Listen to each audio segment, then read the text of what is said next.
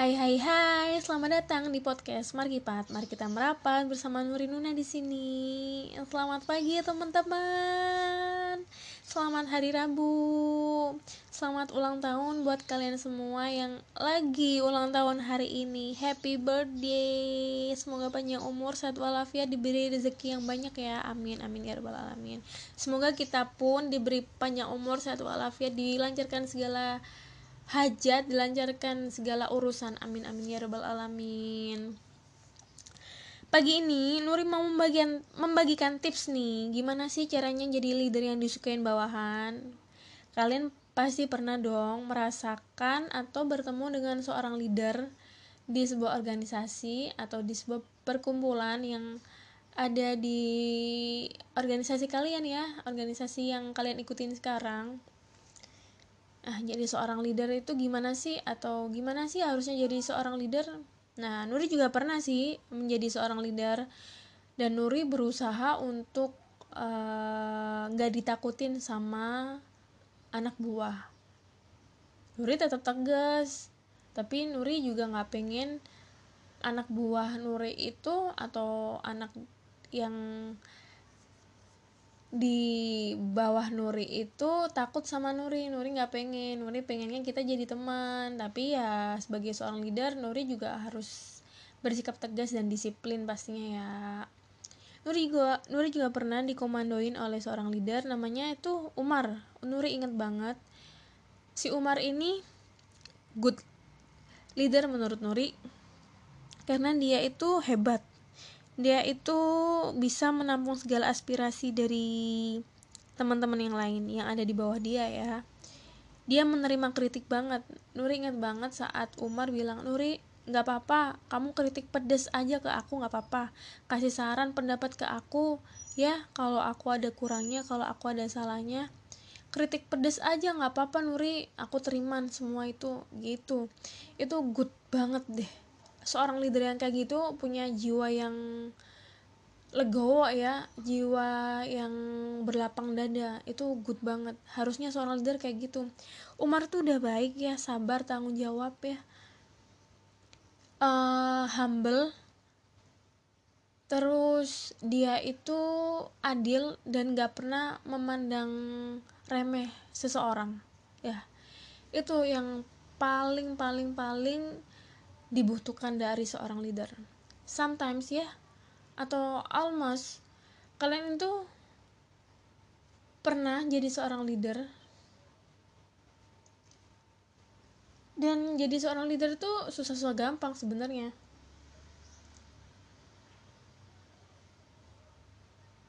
Jadi hampir banyak kalian temuin leader itu ya ada yang baik ada yang jahat ada yang tegas ada yang enggak gitu kan. Tergantung kan. Jadi di sini Nuri itu pernah nemuin leader ya leader yang pengen dihormatin. Pokoknya gila hormat gitu. Pengen disanjung pengen diakuin uh, caper-caper gitu. Pernah kan kalian menemukan seorang leader kayak gitu? Aduh Nuri itu anti ya leader-leader yang kayak gitu kenapa jadi leader kalau kayak gitu? Apalagi nih kalau ada orang kaya sama orang miskin pasti leader itu tadi lebih mementingkan yang orang kayanya daripada orang miskin. Lebih mementingkan yang cantik daripada yang jelek. Soalnya Nuri pernah merasakan seperti itu. Jadi leader yang gak adil itu aduh nggak banget ya. Jangan jadi leader yang gak adil ngeremehin akhirnya ngeremehin seseorang itu hal yang buruk menurut Nuri. Kalau kalian jadi leader yang kayak gitu rubah deh ya. Yang ada mah anak buah kalian tuh nggak suka ya sama kalian. Nuri um, pernah ya pernah menemukan leader yang seperti itu. Nuri pernah dianggap remeh pokoknya diperlakukan tidak adil lah. Suara Nuri nggak diperhitungkan kayak gitu. Aduh parah mah kalau leader kayak gitu. Gak usah jadi leader lu jadi owner aja lu jadi konglomerat aja. Orang jadi leader doang leader di sebuah organisasi kecil leader di toko kecil leader di sebuah perkumpulan kecil. Ya ngapain lu jadi leader ya? Lu jadi leader yang gila hormat gak apa-apa lu jadi leader yang mau dihormatin mau dihargain mau disungkanin gak apa-apa. Asal lu kaya punya duit banyak punya Lamborghini ya kayak Melvin. Nggak apa-apa lu kayak gitu sama anak gua lu. Heran banget sih sama leader. Pengen gua tampol gitu. Pengen gue garuk rasanya gatel banget pengen gue musnahin leader-leader yang kayak gitu serius. Ini di sini ya. Jadi bawa emosi kan pagi-pagi soalnya ingat sama seseorang leader yang kayak gitu. Aduh Nuri nggak dendam sih Nuri nggak dendam. Tapi semoga dia berubah ya. Beneran semoga dia berubah. Ini ada tips nih dari Venika Putri. Nuri comot artikelnya dari dia. Ada 13 tips menjadi pemimpin atau leader yang disukain bawahan nih. Kadang seorang seorang leader tuh menerap, menerapkan sistem absolute power di mana power itu segala-galanya. Jadi jabatan dia itu segala-galanya. Akhirnya dia uh, gila hormat. Akhirnya gila, dia pengen dihargain. Dan peraturan dia itu nggak bisa terbantahkan. Jadi absolute power itu ya kekuasaan yang kekuasaan yang ada di atas gitu dia megang power dan dia uh, bisa semena-mena sama bawahannya dia. Tuh ada ya uh, leader yang seperti itu. Jadi ini ada tipsnya ini ya menjadi leader yang baik gitu. Jadi leader yang pertama ya jadi leader itu tidak cuek dan pelit. Ya iyalah jadi leader kok cuek. Jadi leader kok pelit. Yang ada kalau cuek mah ya digosipin. Itu leader ya nggak pernah nyapa nggak pernah ngasih apa ngasih apa ke bawahannya nggak pernah nawarin apa itu itu ada tuh pasti. Nggak pernah membelikan sesuatu nah itu leader yang pelit leader yang cuek. Ya jangan di leader mah jadi panutan ya. Leader itu jadi panutannya anak-anak. Jadi kalau lu cuek juga karyawan lu karyawan lu juga cuek bawahan lu juga cuek gitu ya seenggaknya jadi leader itu sesekali lah menyapa bawahan. Gimana? Udah makan siang Nuri? Gimana? Udah sarapan? Tadi gimana? Makan di sana enak nggak itu sebuah bahasa basi men. Abang-abang lambe itu perlu ya. Seorang leader tuh harus kayak gitu. Ya emang lah. Leader itu kan harus merebut hati anak buah. Biar awet bekerja sama dia. Biar senang bekerja sama dia. Tuh. Bukan gila hormat gila. Kalau lu presiden nggak apa-apa. Kalau lu orang kaya nggak apa-apa. Gila hormat nggak apa-apa. Banyak duit. Orang leader nggak punya Lamborghini aja. Masih sosokan sombong. Eh gedek yang kedua nih Nuri tuh bawahnya kok emosi ya? Yang kedua nih menjadi pemimpin atau leader yang baik selalu mencontohkan disiplin akan waktu. Please ya leader-leader yang ada di sana yang lu bilang rapat jam 12 tapi lu datangnya jam 2 aduh parah. Kamu menyanyiakan ya menyanyiakan Allah kok menyanyiakan?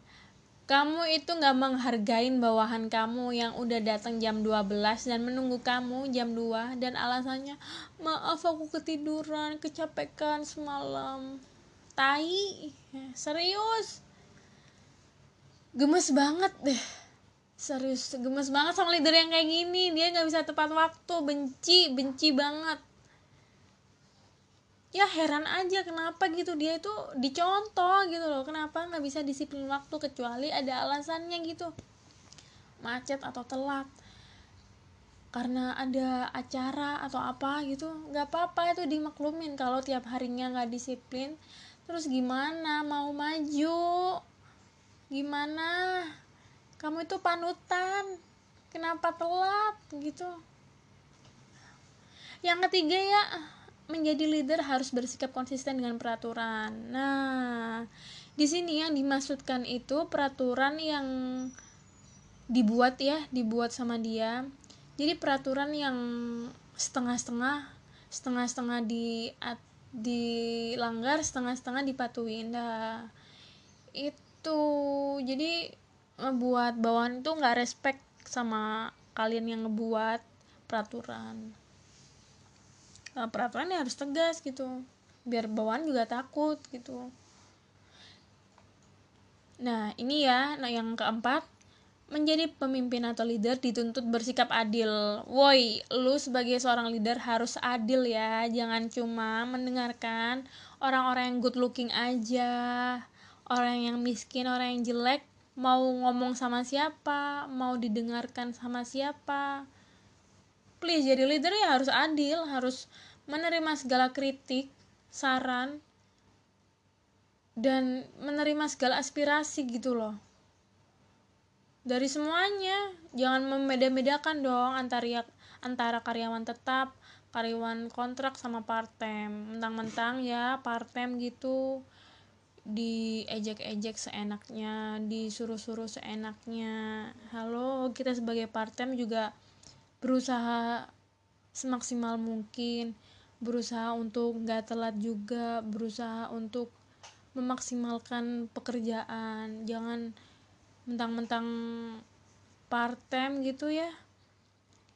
Si leader main marah-marah aja sih ma si part time atau mengangkat atau memilih karyawan yang lebih dikenal daripada karyawan yang punya prestasi gitu. Ini kenal sama aku nih. Kayak gitu kan aku baik-baikin. Karena dia nggak kenal nggak pernah disapa. Duh mati aja lah kalau leader yang kayak gitu. Gemas banget sih Nuri itu yang kelima nih pandai membaca situasi nah di sini seorang leader juga wajib selalu bisa mengayomi bawahannya demi mendapatkan situasi kerja yang kondusif mungkin ada kejadian gosip, masalah antar karyawan, atau omongan yang belum jelas kepastiannya. Itu beberapa contoh yang wajib leader ketahuin ya. Gimana caranya bisa memahami lingkungan kerja? Gimana caranya seorang leader bisa berbaur dan mendapatkan loyalitas dari karyawan? Nah, itu menjadi leader itu seperti itu. Yang keenam, kuasai pekerjaan. Jadi, e, menguasai pekerjaan itu bukan berarti mengharuskan Anda atau mengharuskan seorang leader itu mengerti secara detail semua bidang pekerjaan ya. Yang dimasukkan itu kenali seluruh aspek inti dari setiap pekerjaan yang ada di dalam perusahaan. Supaya kalau ada bawahan yang tanya itu enggak, oh iya, oh iya, sebentar ya, aku tanyakan dulu. Jadi biar tahu gitu ya kalau bawahan tanya biar bisa menjawab. Yang tujuh lakukan komunikasi dan interaksi yang baik. Jadi seorang leader itu harus mel harus selalu ramah dengan siapa pun yang ada di kantor. Jadi nggak boleh milih-milih ya ramahnya sama yang kaya doang sama yang cantik doang. Tai. Jadi lakukanlah komunikasi dan interaksi yang baik. Seorang leader harus ya basa basi itu perlu lah Nuri mengakuin ya seorang leader itu pasti banyak basa basinya tanya kalau pengen akrab rumahnya di mana oh di sana? Gimana kuliahnya? Terus gimana dong kalau ini itu? Itu basa basi tapi ya jangan selalu basa basi yang gak jelas gitu. Ya sekedarnya aja gitu ya. Biar karyawannya juga nggak jenuh. Kan karyawan juga senang kalau diajak omong sama leader gitu.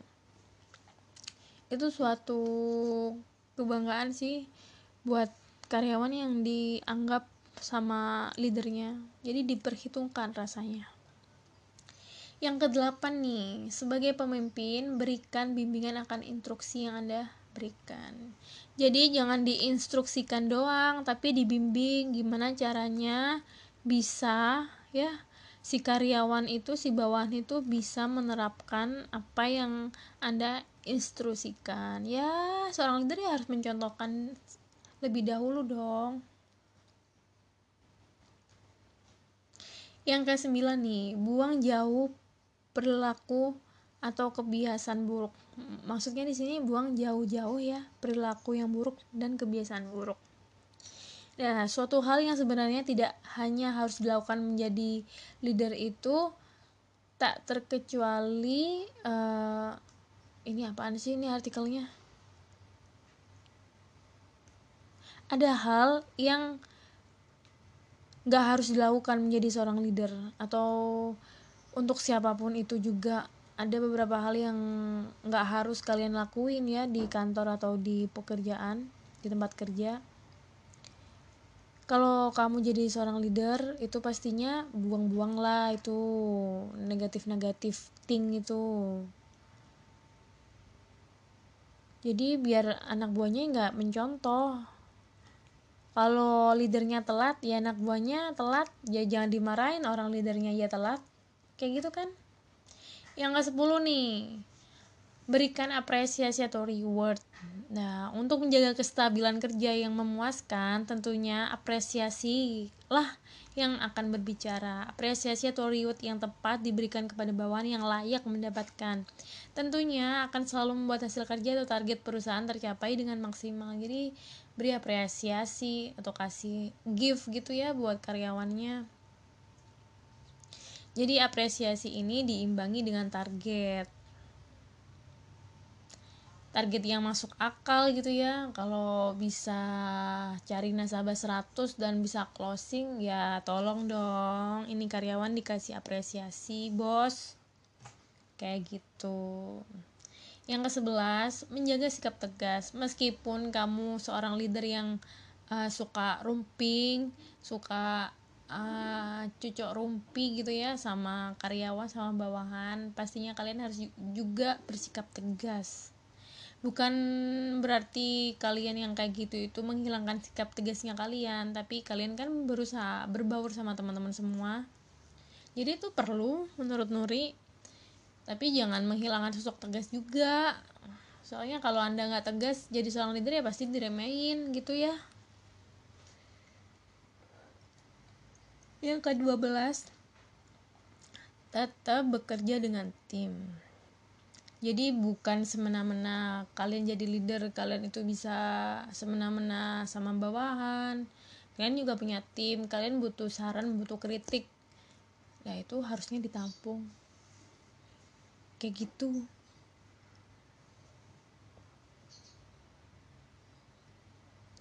jadi semua yang ada di tim atau persoalan yang ada di tim itu harus didiskusikan jadi itu yang namanya bekerja dengan tim. Yang 13 ini yang paling penting banget. Seorang leader itu harus menerima masukan dengan baik. Jadi kalau dikritik ya jangan marah. Kamu kan panutan. Ya kalau dikritik ya diterima dong. Kayak Nuri nih, Nuri pernah bilang ke Ade Nuri gini. Di di organisasi ya. Dia kalau Nuri punya salah, punya kurangnya masukannya apa? Nuri minta kritiknya gitu. Gak apa-apa kritik pedes juga gak apa-apa Nuri terima. Nuri bilang kayak gitu. Itu jadi seorang leader. Nuri nggak mau menyombongkan diri sendiri tapi kenyataannya Nuri memang kayak gitu orangnya. Umar pun juga kayak gitu. Nuri kalau lu punya kritik tentang aku kebijakan aku bilang ya kayak gitu. Harus punya jiwa lapang dada. Harus bisa menerima saran kritikan masukan. Sebagai seorang pemimpin itu selalu berikan kontribusi dengan maksimal dan berusaha menjadi yang terbaik untuk perusahaan atau untuk organisasi jadi seorang leader itu harus bisa menerima kritik apa pun. Jadi tetap ya seorang leader itu harus mempunyai keputusan kebijakan itu pasti. Tapi dong harus bisa menerima kritik juga. Biar dicintain sama karyawannya ya kayak gitu ya. Biar disukain sama bawahan. So semoga kamu jadi leader yang bijak yang adil yang bisa memimpin bawahan. Jadi bawahan kamu tuh bisa senang bekerja sama kamu. Dikatakan leader yang sukses itu di mana leader itu disukain sama bawahan. Diberatin sama bawahan itu jadi leader yang sukses tuh kayak gitu. Untuk itu sekian dulu aduh podcast hari ini. Semoga informasi ini memberikan uh, benefit ya. Semoga bermanfaat. Udah untuk itu Nuri pamit. Bye bye see you on next episode. Bye bye